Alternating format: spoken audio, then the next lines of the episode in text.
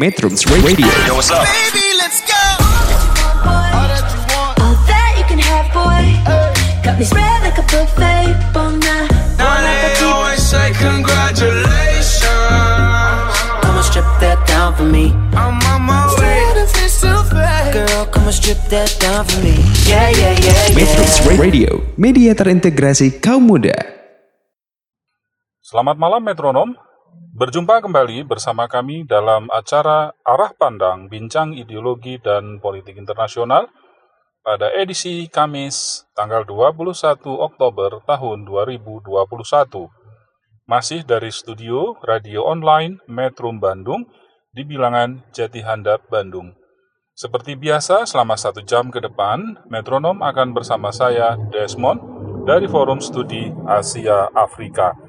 Telah hadir bersama saya pada Kamis petang ini narasumber kita, Bung Muhnizar Siagian, seorang akademisi ilmu hubungan internasional dari Universitas Negeri 11 Maret, Surakarta. Pada Kamis petang ini, narasumber kita akan berbincang-bincang bersama kita dalam topik diplomasi pembangunan. Metronom, kami tak bosan mengingatkan bahwa untuk mendengar radio Metrum, Metronom dapat mengunduh aplikasi Android Metrum Radio di Play Store Metronom di link bit.ly slash Metrum Radio. Satu aplikasi menjelajah berbagai platform. Bagi pengguna perangkat Apple, dapat menyimak program arah pandang melalui App Store Online Radio Box.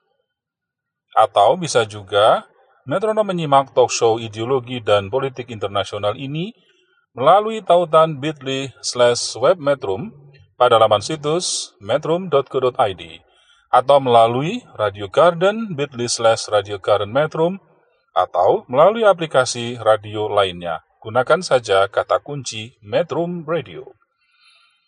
Metronom yang tertinggal mendengarkan acara Kamis petang ini, jangan khawatir karena masih dapat mendengarkan ulang rekaman talk show berupa podcast di beberapa aplikasi podcast bagi pengguna perangkat Android maupun Apple.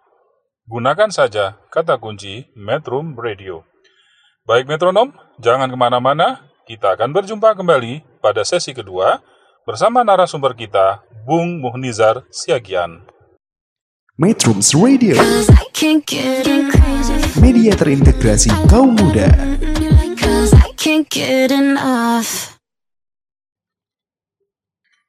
Metronom, kita saat ini berada di sesi kedua acara arah pandang bincang ideologi dan politik internasional. Pada sesi kedua ini, kita akan berbicara tentang diplomasi pembangunan bersama narasumber kita, Bung Muhnizar Siagian. Silakan, Bung.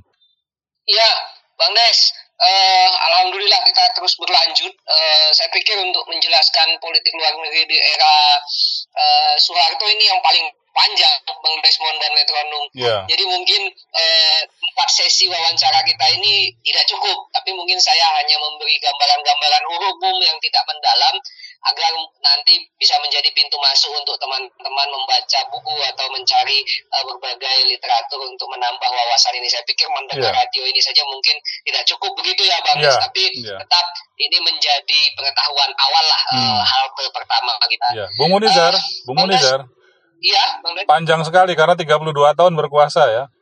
32 tahun Bang Des. Eh, ya, ini luar biasa ya. 3, 32 tahun dan stabil. Stabil, ya. Baik, silakan Bung lanjut, Bung. Silakan. stabil. Ya, Bang Des. Eh, saya pikir saat saya mau berangkat Bang Des dari eh, statement awal eh, di dua masa ini punya kesamaan saya pikir di Ya. masa Soekarno dan di masa Soeharto Bang Ya. Des. Kesamaannya yaitu politik luar negeri Indonesia lebih diformalisikan elit ketimbang masa. Ya, ya, ya. Eh, jadi dia lebih bersifat elitis ini. Mhm. Nah, eh, ini banyak faktor ya Bang Des ya. Mulai Mhm. dari politik yang dimainkan segelintir orang-orang terdidik ya karena memang waktu itu pendidikan juga sangat eksklusif ya Bang Ya, Des ya. ya. Saya tidak tahu eh, Bang Des apakah sudah ada yang menulis genealogi intelektual Indonesia enggak dalam politik luar negeri? Belum ya. Baru ada Indonesian Political Thinking yang ditulis oleh Herbert Fate dan Indonesian Political Herbert Affairs Fate, ya. oleh Bung Hatta tahun 1955. Kalau genealogi kayaknya belum. Betul. Tapi kalau ge- genealogi politik luar negeri Indonesia kayaknya belum ya Bang Belum, ya? belum.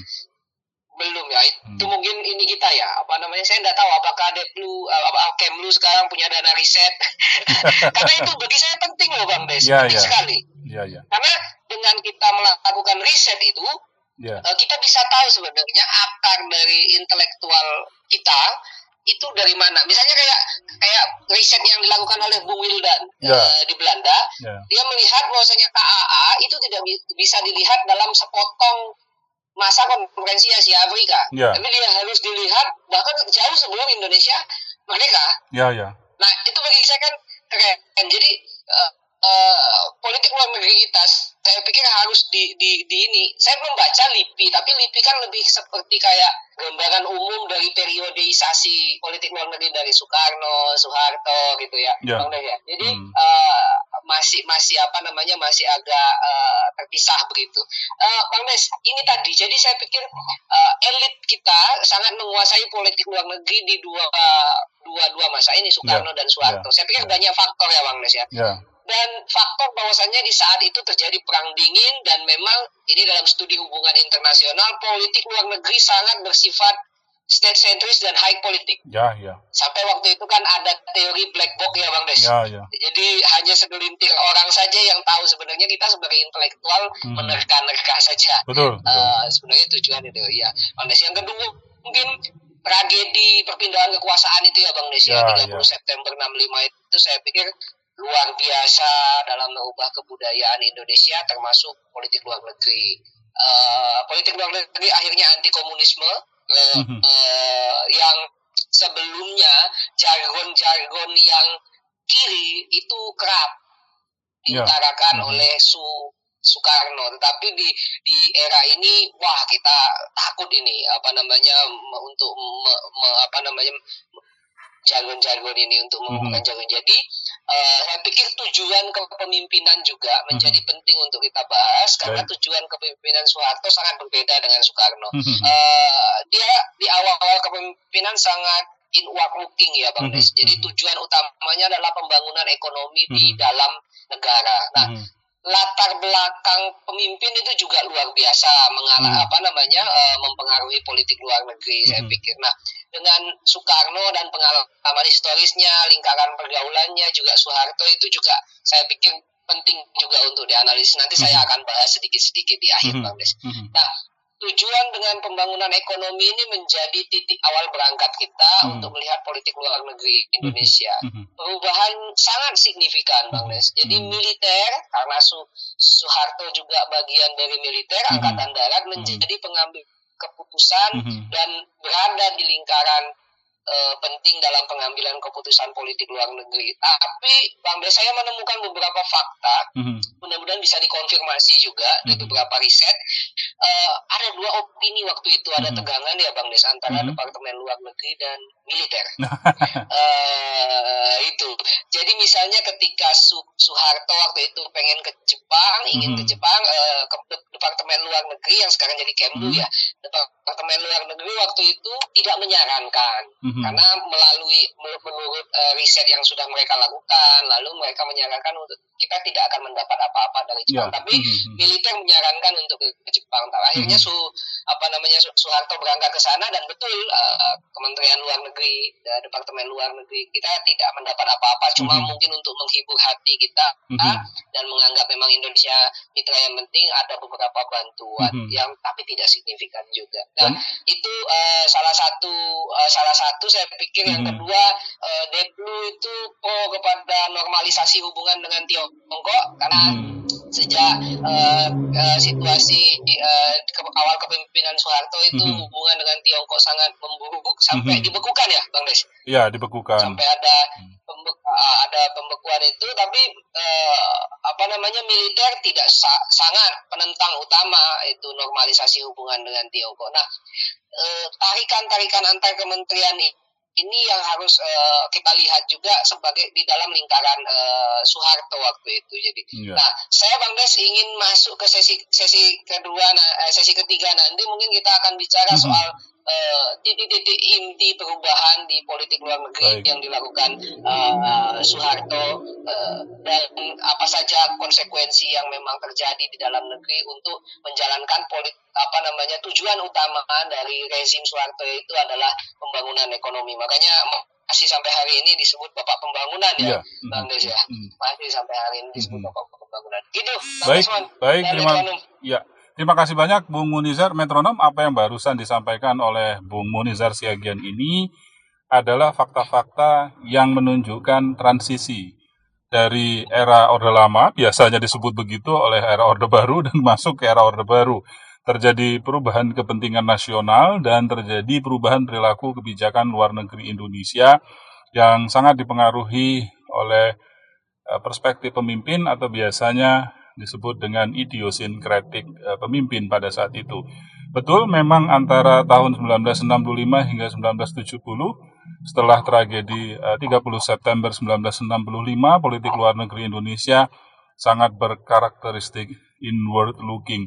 Dan boleh ditambahkan sedikit bahwa setelah misi eh, diplomasi bantuan ke Jepang yang tidak menghasilkan apa-apa dan Jepang pada saat itu menginginkan karena bagian dari blok barat eh, agar Indonesia merehabilitasi hubungan dengan Malaysia dan akhirnya eh, ada normalisasi hubungan dengan Malaysia. Eh, setelah itu ada juga upaya eh, diplomasi bantuan ke Amsterdam di Eropa dan juga ke Paris. Yang ini yang nanti akan sangat mempengaruhi perilaku kebijakan luar negeri Indonesia selama era Orde Baru hingga sekitar 32 tahun. Metronom, eh, demikian eh, poin-poin penting dari Bung Muhnizar Siagian pada sesi kedua ini. Nanti kita akan berjumpa kembali bersama Bung Muhnizar Siagian pada sesi ketiga. Jangan ke mana-mana, sampai jumpa pada sesi ketiga.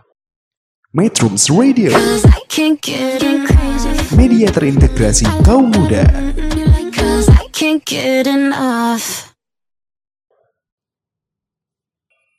Metronom, kini kita berada pada sesi ketiga acara Arah Pandang Bincang Ideologi dan Politik Internasional bersama narasumber kita, Bung Muhnizar Siagian.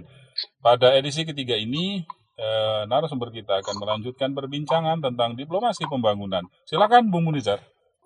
Ya, eh, Bang Desmond dan Metronom, eh, kepentingan nasional kita, eh, tujuan dari apa namanya tujuan dari rezim Soeharto itu eh, memang ke- kebijakan dengan garis apa namanya headline adalah pembangunan ekonomi. Nah, definisi kepentingan nasional yang diubah oleh Soeharto dari Soekarno ini eh, itu eh, mempunyai banyak konsekuensi Bang Des dalam aktivitas politik luar negeri.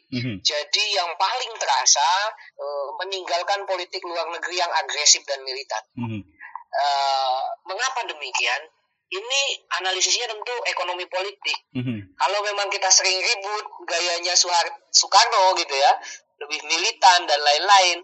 eh, stabilitas politik di dalam negeri juga eh, apa namanya di zaman Su- Soekarno gonta-ganti mimpin ya Bang Des ya Ya. gonta-ganti perdana menteri waktu itu kebijakan sering berubah yang seperti yang saya jelaskan di apa namanya di era Soekarno itu, itu akan membuat eh, gonjang-ganjing ekonomi juga jadi ada hubungan antara eh, stabilitas dan lain-lain. Nah ini membuat eh, politik luar negeri eh, konsekuensi pertama adalah Soeharto memu- mulai meninggalkan politik luar negeri agresif dan militan dan eh, salah satunya juga eh, meninggalkan politik luar negeri yang berkonfrontasi. Nah ini yang saya pikir jargon Inggris disetrika Amerika dilinggis hilang tidak ada lagi.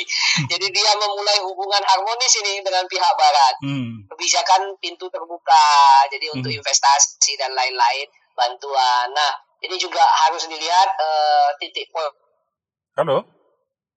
Modal asing ya nama undang-undangnya ya Bang Mhm. Ya Ya, Undang-Undang Penanaman Modal Asing Ya, ah, 196 1967 ya.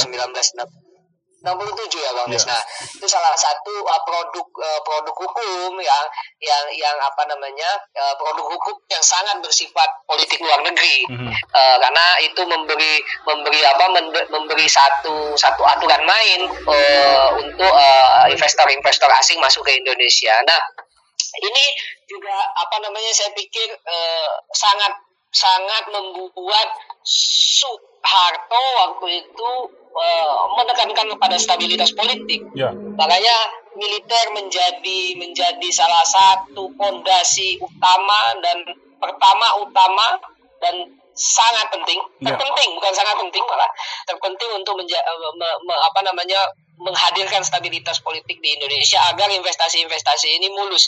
Nah, eh, ada satu riset eh, dilakukan oleh Indonesianis yang mengatakan bahwasanya terjadi perubahan dari eh, memandang eh, Pancasila, Bang Des, Ya, ya. nasionalisme. Eh, kalau nasionalisme kita di zaman Soekarno itu nasionalisme yang sangat bersifat eh, me- menginspirasi, begitu ya Bang Hmm, Des ya? hmm, Nasionalisme yang menginspirasi Asia Ya. dan Afrika, eh, nasionalisme yang progresif, hmm. eh, Pancasila juga menjadi oh, saya pikir waktu itu yang yang yang apa kalau mau mengatakan diplomasi Pancasila ya di era Soekarno itu yang Oh, iya, paling iya, iya. kental Ya. Eh, karena nilai-nilai Pancasila itu diterjemahkan dalam politik luar negeri misalnya kayak musyawarah Ya, eh, mhm. misalnya kayak apa namanya keadilan sosial kan Ya. tuntutan-tuntutan itu yang Ya. sebenarnya eh, yang disuarakan oleh Soekarno. Mhm. Nah di era ini eh, Pancasila dan nasionalisme itu dijadikan Soeharto untuk eh, untuk menjaga stabilitas politik di dalam negeri, Bang Des. Mhm, mhm. Inward looking itu tadi melihat ke Ya. dalam. Jadi ketika ada eh, apa namanya civil society misalnya masyarakat sipil Mhm. atau ada apa eh, gerakan-gerakan yang ingin mengkritik tentu ya pembangunan tentu punya resiko protes seperti itu bang Des ya Iya, iya. Eh, kita tahu banyak banyak kasus itu nah eh, ini jargonnya yang keluar adalah anti Halo?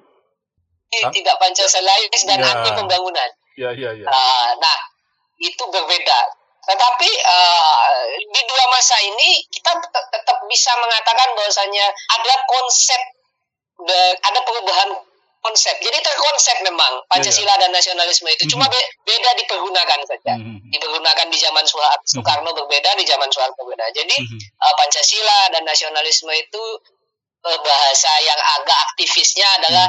Untuk memukul lawan politiknya eh, Soeharto ini tapi bahasa yang tidak akademis untuk Mhm. bahasa yang lebih aktivis untuk Mhm. memukul lawan politiknya Soeharto Bang Des. Nah, eh, pada poin-poin ini Bang Des saya Hmm. pikir yang penting untuk dibahas bahwasanya banyak sekali konsekuensi dari tujuan utama dan kepentingan nasional Indonesia Hmm. yaitu pembangunan ekonomi. Tujuan utama ini membuat berbagai konsekuensi dari politik luar negeri. Betul-betul berubah, banting setir kalau bahasa Hmm. diplomat-diplomat Ya, ya. betul-betul banting setir Bang Des eh, politik luar negeri Indonesia Hmm. dari dari Soehar dari Soekarno ke Soeharto. Hmm. Saya pikir itu Bang Des kita mungkin bisa masuk eh, diskusi-diskusi ngobrol-ngobrol lagi Ya, ya. di sesi selanjutnya. Baik, baik. Ya, metronom ini barusan eh, sesuatu yang sangat sensitif sekali ya dalam perbincangan politik luar negeri Indonesia karena eh, memang harus diakui pada periode Orde Baru ini ada tarik menarik kepentingan antar kelembagaan ya di dalam negeri terutama dalam kacamata politik luar negeri yang seperti tadi sudah disinggung oleh Bung Muhnizar Siagian. Kemudian yang kedua memang eh, kepentingan nasional Indonesia bergeser ya. Eh, ke lebih ke arah eh, pembangunan ekonomi dan eh, nah alamiahnya kita memerlukan eh, masuknya investor asing ya masuk ke dalam eh, apa ranah pembangunan nasional dan eh, kita tahu bahwa pada saat itu juga kalau nggak salah lahir ini ya IGGI Bung Munizar ya yang menjadi komunitas para investor internasional yang bertujuan dalam tanda petik ah, membantu pembangunan nasional Indonesia. Ah, Indonesia. Ada lagi yang menarik di era eh, beliau ini, eh, Bung Munizar, kita sambil ngobrol aja. Ada konsep wawasan Nusantara ya. Pada saat itu Betul. Pak Mohtar, repelita. ya, itu repelita, pelita, pembangunan Oh. jangka panjang tahap 1 Betul. selama 25 tahun. Terus ada konsep geopolitik yang disebut wawasan Nusantara ya. Ini kan Nusantara. Menteri Luar Negerinya pada saat itu Bapak Profesor Dr. Mohtar Kusuma Atmaja Pak Kusuma Atmaja. dan beliau Hukum ini kan kenapa? hukum ya dan Eh, hukum, beliau hukum ya. Iya, beliau dari Universitas Pajajaran dan jangan lupa beliau adalah penggagas berdirinya Museum Konferensi Asia Afrika ya tahun 1980. Eh, selain itu, kita tahu ada beberapa catatan lain karena kita terlalu inward looking dalam politik luar negeri. Eh, a- kita sempat eh, tidak mendapat perhatian ya pada saat KTT gerakan non blok. Ini Wah, eh, itu betul-betul ya apa betul-betul kepala diperhatikan itu. betul kurang diperhatikan. ya jadi kepala negara kita nggak pernah hadir di di dalam KTT gerakan non blok antara tahun 1970 sampai tahun eh, 1990 ya selama 20 tahun tuh yang hadir Menteri Luar Negeri ada Malik, kemudian eh, apa?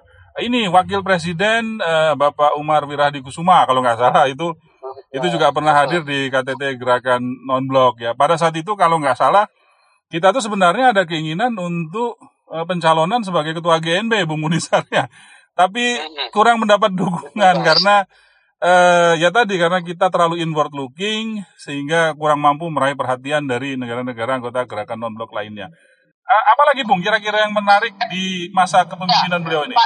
Saya ingin menunjukkan ya Bang Des ya, s- eh, untuk semua eh, pemerhati hubungan internasional dan lain-lain yang saya bold tadi yang saya garis bawahi ketika Bang Des mengatakan bahwa saya ketika satu pemimpin tidak datang ke satu event itu bisa kita artikan sebagai salah satu simbol untuk tidak mementingkan event itu ya, tidak Ya. mementingkan organisasi itu. Nah, Hmm. tapi memang ini nanti yang ingin saya saya saya perlihatkan ya Bang Des ya. Ya. Bagaimana apa ya eh, semiotik eh, lalu eh, simbol-simbol lalu eh, banyak kajian-kajian yang sebetulnya bisa kita buka bisa kita perluas jadi tidak hanya mengkaji eh, kebijakan luar negeri itu dengan sangat indikator gitu kayak orang Ya. eksakta gitu ya, ya. Eh, air mendidih 100 derajat jadi tidak memasukkan politik tapi bisa menjadi obrolan yang asik gitu loh Bang. saya menginginkannya seperti itu kayak kayak radio ini ya digagas Ya. oleh Bang Desmond dan teman-teman di FSAA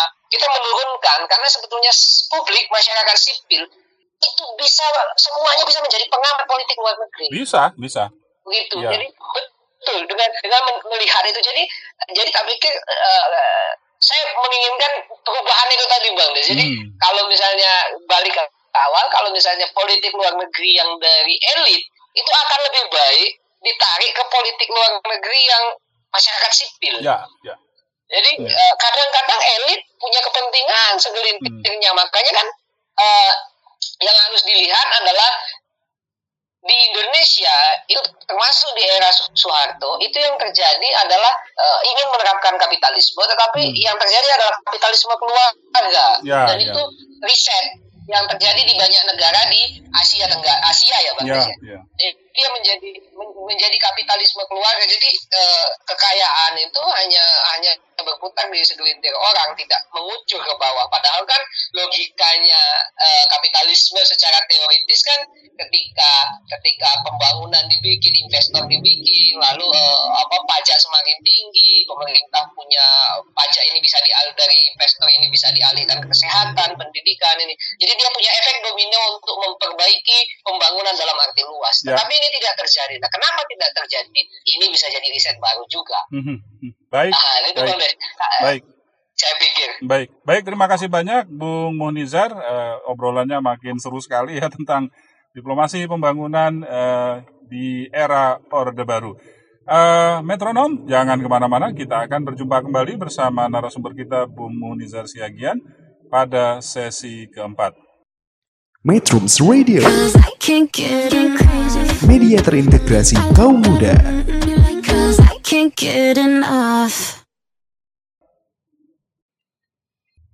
Metronom, kita telah berada di sesi keempat acara arah pandang bincang ideologi dan politik internasional.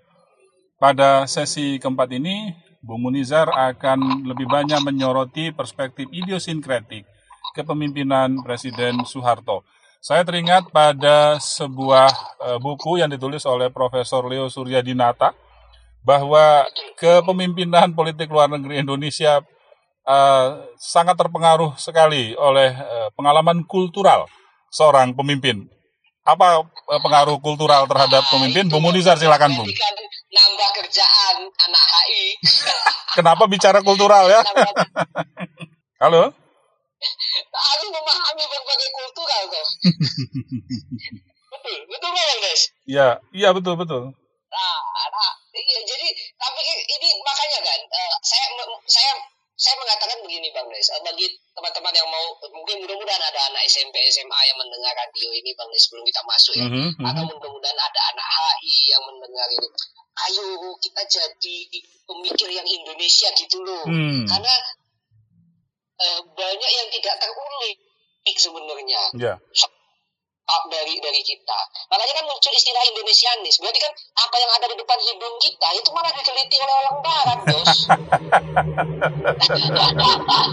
Padahal itu kekayaan, kekayaan ya, apa, apa potensial untuk riset. Ya. Betul ya Bang Nes Ya betul. Nah, ini apalagi sekarang tuntutan Scopus dan lain-lain, ada kebaruan dalam penelitian. Nah, pada titik ini saya pikir memang memahami kultur itu luar biasa pentingnya dan saya saya merasa berat ya Bang Des. Saya perantau Bang Des. Ya. Eh, pernah di Med, pernah di Sumatera Utara, lalu pernah di Bengkulu, Hmm. lalu pernah di Padang, Ya. eh, Palembang, Ya. lalu pernah di Bandung, Jakarta, Hmm. lalu Jogja dan sekarang eh, hidup di Boyolali, Ya, ya. Jawa Tengah, Solo, Hmm. Boyolali. Dan saya pernah di Jawa Timur juga, daerah Kediri dan Surabaya. Mhm. Wah, luar biasa. Jalan-jalan lah setelah COVID kita. Ya, ya, ya, ya, ya. setelah COVID ini harus jalan-jalan untuk belajar. Nah, Bang Des, saya ingin meletakkan eh, poin ini eh, selain dari Pak Leo tadi yang menulis itu mungkin kita harus eh, mengenang satu saya pikir Indonesianis yang mungkin paling berjasa dalam Hmm. berbagai riset politik Ya, di hmm. Indonesia ya apalagi kalau bukan Benedict Anderson Ya, ya betul. Ya, ya, ya. dan dia pun meninggalnya di Indonesia saking sayang Di Malang ya, kalau nggak salah ya. Indonesia di Malang lagi Ya. jalan-jalan ya Bang Des ya. Eh, eh, jadi eh, Benedict Anderson itu menulis The Ideas of Power in Japanese eh, Culture ya Bang Des Ya, ya, ya. Ah, itu eh, dia eh, itu di, yang di editori kalau nggak salah oleh Hall itu Clear Mhm. Hall kalau nggak Mhm. salah Mhm. dalam satu buku dalam satu eh, chapter eh, terus eh, ada tentu ya profesor yang yang benar ini. Tapi mudah-mudahan anak-anak sekarang masih ingat bukan nama gedung gitu ya. Eh, kuncaran ningrat. Oh ya, ya. Sekarang kalau ditanya kuncaran ningrat itu siapa katanya nama gedung katanya. Itu yang nulis ini, eh, Bung Munizar, Manusia dan Kebudayaan Indonesia. Tuh, ingat sekali bukunya. manusia dan kebudayaan Indonesia juga Javanese culture ya Ya. bagus ya. Dia nulis juga Javanese culture. Eh, terus eh, Ruder juga menulis soal eh, the spilling smiling smiling general ya bang Ya, ya, ya. Eh, eh, Soeharto dan banyak banyak riset-riset lain saya pikir yang juga harus kita baca untuk itu. Nah, eh, s- jadi Bang Des, eh, Soeharto memang dia kan memang ber- berlatar belakang eh, Jawa ya Bang Des ya dan Abangan ya Bang Des ya. Hmm. Jawa Abangan. Nah, nanti dijelaskan sendirilah yang mana tipe santri, tipe abangan Ya, dan ya. lain-lain. Mungkin kita butuh satu sesi untuk uh, mengkaji Clifford Gertz, Clifford Gertz ya. Clifford Gertz. Clifford Gertz ya. Uh, Clifford Gertz dan uh, mungkin mengundang antropolog siapa yang akan menjadi pembicara Mhm. uh, dan berbagai uh, diskurs soal itu. Jadi Bang Des, Abangan uh, Jawa ini uh, sangat menentukan di awal-awal uh, apa uh, Soeharto memimpin. Mhm. Pikir memang pertama itu kan mungkin kalau kita lihat uh, Soeharto itu kan naik haji itu kan baru tahun 91 umur 70 ya. Ya, ya, ya. Nah, itu udah di akhir-akhir kepemimpinan beliau karena memang sudah mulai ditinggalkan militer dan selama memimpin eh, eh, beliau eh, Presiden Soeharto eh, memang sangat berjarak dengan Islam. Makanya Ya. setelah eh, di- dia meng- dia melihat bahwasannya satu satu satu apa satu satu unit analisis lain dalam kebijakan itu Islam dia lihat di tahun 91 itu dia mulai mendekat ke Islam juga waktu itu Ismi ya Bang Des ya Ya, ya. Ikatan Mhm. Cendekiawan eh, Islam itu yang ketua pertamanya Habibie kalau tidak Ya, salah betul ya, Bang Des? ya, ya, ya. saya lupa betul Hmm. Oh, nah ini ini ini yang yang menjadi ini menjadi penting ya. Dari simbol-simbol ini eh, kita melihat itu. Jadi eh, yang kedua juga nah ini penting ya bang Des ya. Jadi eh, eh, pada filsafat berpikir orang Jawa itu eh, perasaan Jawaisme itu memandang Jawa itu. Nah ini mungkin jadi awal sentralistiknya Indonesia. Jawa itu sebagai pusat memang bang Des Ya, ya. yang pinggiran itu mendukung pusat Ya. jadi bukan pusat yang menyebarkan ke pinggiran, tetapi pinggiran yang mendukung pusat. Ya. Jadi pinggiran itu untuk mendukung kekuasaan Jawa. Makanya waktu itu pembangunan tersentral di Jawa. Nah ini Bang Des juga eh, apa namanya eh, dari, dari karakter pribadi dia.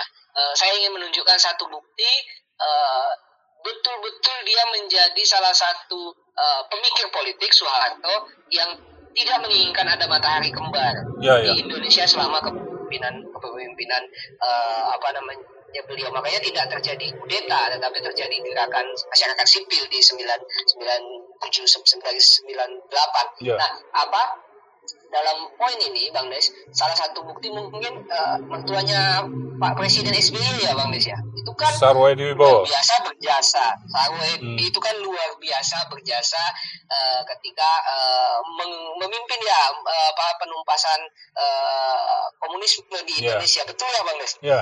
Itu yang yang dari yang mengaku sudah membunuh beberapa orang, menangkap, membunuh dan lain-lain. Tetapi mendapat apa setelah itu? Didubeskan. Didubuskan ke Korea Selatan ya. ke Korea Selatan. Jadi disuruh keluar dari Indonesia dan dan kemarin Pak Isman itu eh, menjelaskan itu menarik. Di zaman dulu ketika didubeskan itu betul-betul kayak diisolasi karena kan eh, apa teknologi informasi tidak semaju sekarang. Ya, ya.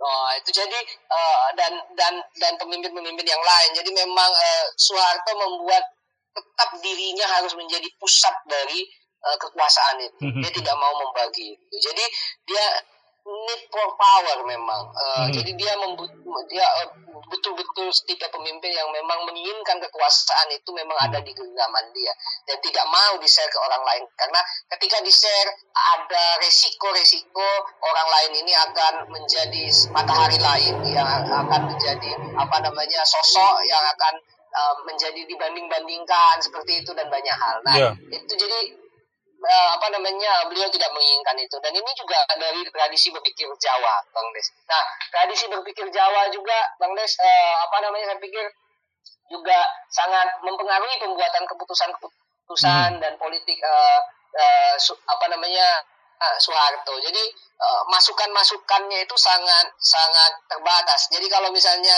siapa sih yang bisa masuk ke ru- ruangan Sultan misalnya ke Ya, ruangan ya. Raja Jawa itu tidak semua orang, betul Ya, ya Bang Des ya? betul. Ya, ada ada ada ruang untuk menerima tamu umum gitu ya, Bang Des, ya. di dalam arsitektur bangunan itu Iya. ada yang apa namanya untuk menerima keluarga lalu ada juga ruangan yang lebih lebih ini lebih privat lagi nah itu membuat eh, apa namanya Soeharto memang eh, mem- sangat eh, selektif dalam memilih orang yang ingin memberi masukan-masukan kepada Soeharto jadi eh, tidak tidak tidak sedemik tidak ini ini tidak. Jadi apakah apakah waktu itu eh, Soeharto tidak demokratis? Eh, saya pikir diskusinya jangan ke sana, tetapi saya lebih ingin melihat bahwasannya eh, dia lebih memainkan eh, apa memainkan tipe eh, Jawa abangan itu ya Bang Hmm, Des iya, ya, iya. dalam memimpin Indonesia. Nah, faktor ini saya pikir yang yang yang sangat penting. Saya ingin melihat di faktor di cerita lain misalnya Hmm. Bang Des, nambah cerita di akhir. Eh, beberapa pendapat dari beberapa pendapat dari eh, profesor-profesor sejarah Mhm. ketika Muhammad Hatta dan Soekarno itu bertentangan itu sebenarnya pertentangan kebudayaan antara Minangkabau dan Jawa. Eh, iya bang Des. Di, di Minangkabau kan eh, patahnya adalah eh, pemimpin itu di tinggian serantiang di duluan selangkah. Mhm. Hanya tinggi satu ranting dari kita dan Mhm. hanya posisinya hanya berada berada di depan kita satu langkah. Ya, ya. Nah ini berbeda dengan filsafat Jawa Hmm. yang meletakkan pemimpin itu memang penerima wangsit. Ya, ya, ya, Bang ya, ya, ya, ya. Eh, Ya. dari- Wahyu Keprabon.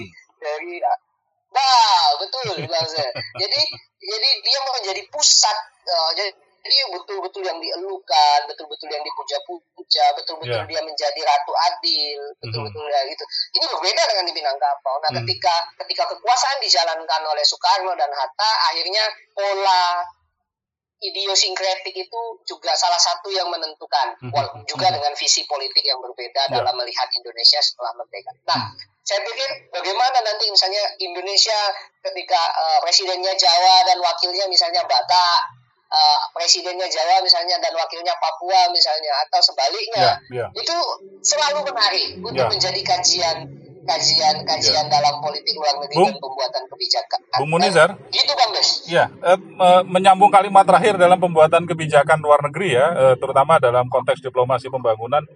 Ketika eh, Presiden Soeharto begitu kental sekali pengaruh kulturalnya yang memusatkan kekuatan pada dirinya tadi, tetapi karakteristik politik luar negeri kita pada saat itu cenderung low profile ya. Sangat low profile Bang ini kan Betul. eh, paradoks menurut saya ya, ketika eh, sangat eh, ketika pemusatan kekuatan sedang berlangsung kepada idiosinkretik pa- eh, kepala negara, Ah. tapi justru politik luar negeri kita low profile gitu.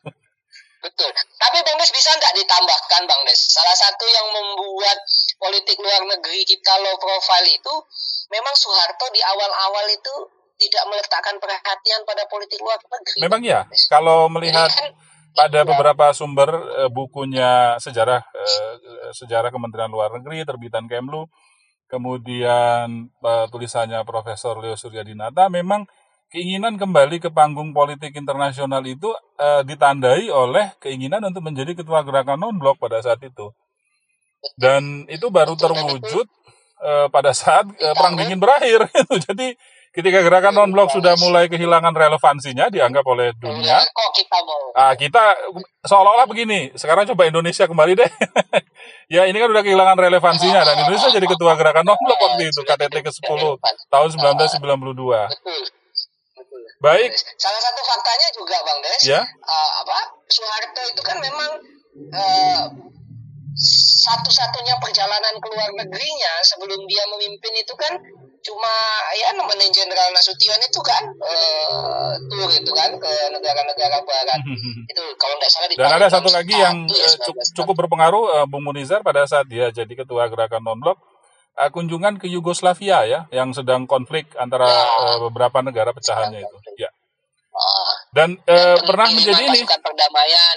Tuan rumah EPEC ya, jangan lupa. ya benar itu jangan Ya. lupa. Jadi memang ada ada menunjukkan perhatian ke luar negeri di akhir-akhir Di akhir-akhir ya. ya. Nah, jadi memang ah, mulai mulai terbuka untuk ini. Makanya kan sampai ada ada yang bilang kalau saja Soeharto itu agak cepat merubah eh, cara dia dalam memutuskan kebijakan dan apa namanya me- menerapkan stabilitas mungkin umur kekuasaannya lebih lebih panjang. Lebih panjang. Tapi eh, iya, Tapi, ada yang bilang kayak iya, gitu. bisa Kalau jadi, saja ya. dia bisa membaca, tapi memang ya sejarah memang tidak ada tidak tidak tidak ada kebetulan dalam sejarah begitu bang. Ya, Jadi jangan meskipun lupa, begitu, baik. ya apa semua yang dilakukan selama 32 tahun memang memperlihatkan ada apa ya peninggalan pembangunan yang bisa kita lihat saat ini. Baik, setuju bang. baik Bung Munizar, Setuju bang. Jadi Eh, betul betul. ini adalah sesi keempat. Ada pesan khusus bagi metronom? Eh, saya pikir begitu bang Des. Eh, eh, apa? Saya ingin teman-teman pendengar metronom eh, dan eh, mungkin ada para pendengar yang memang berkonsentrasi di hubungan internasional, politik dan lain-lain. Ayo kita lebih menggali eh, hal-hal yang lebih Indonesia Ya, dalam artian luas untuk melihat eh, Halo? ambil dalam Ya. politik luar Ya. negeri simbol dan lain-lain sehingga kita bisa memberi warna gitu loh bang Ya, Des. tidak ya. mengikut-ngikut dari barat atau American Ya. sentris dalam dalam eh, apa namanya melihat persoalan-persoalan politik luar negeri di Indonesia karena saya pikir luas sekali Baik. apa namanya eh, apa wawasan-wawasan di Indonesia ini begitu bang Des mudah-mudahan eh, tidak tidak mengecewakan Saya yakin eh, ini adalah eh, arah pandang baru ya bagi metronom pada Kamis petang ini. Baik, terima kasih banyak Bung Munizar Siagian atas pencerahannya pada Kamis petang ini dalam acara Arah Pandang Bincang Ideologi dan Politik Internasional dengan tema Diplomasi Pembangunan. Metronom, demikian eh, telah berakhir diskusi kita tentang diplomasi pembangunan bersama Bung Munizar Siagian. Semoga bermanfaat bagi metronom untuk menambah wawasan dan tentunya menentukan arah pandang. Terima kasih atas kehadiran dan kesediaannya bersama kami selama satu jam berlalu. Sampai jumpa kembali bersama kami dengan topik-topik yang lebih menarik pada peta, pe- kabis pekan depan. Tetap stay di Radio Metro, jelajah komunitas media terintegrasi kaum muda. Selamat malam. Metrums Radio. Baby, let's go. All that you can have, boy. Got me spread like a buffet. Bon night. Now they always say congratulations. Come and strip that down for me. I'm on my way. Girl, come and strip that down for me. Yeah, yeah, yeah, Metrums yeah. Radio, media terintegrasi kaum muda.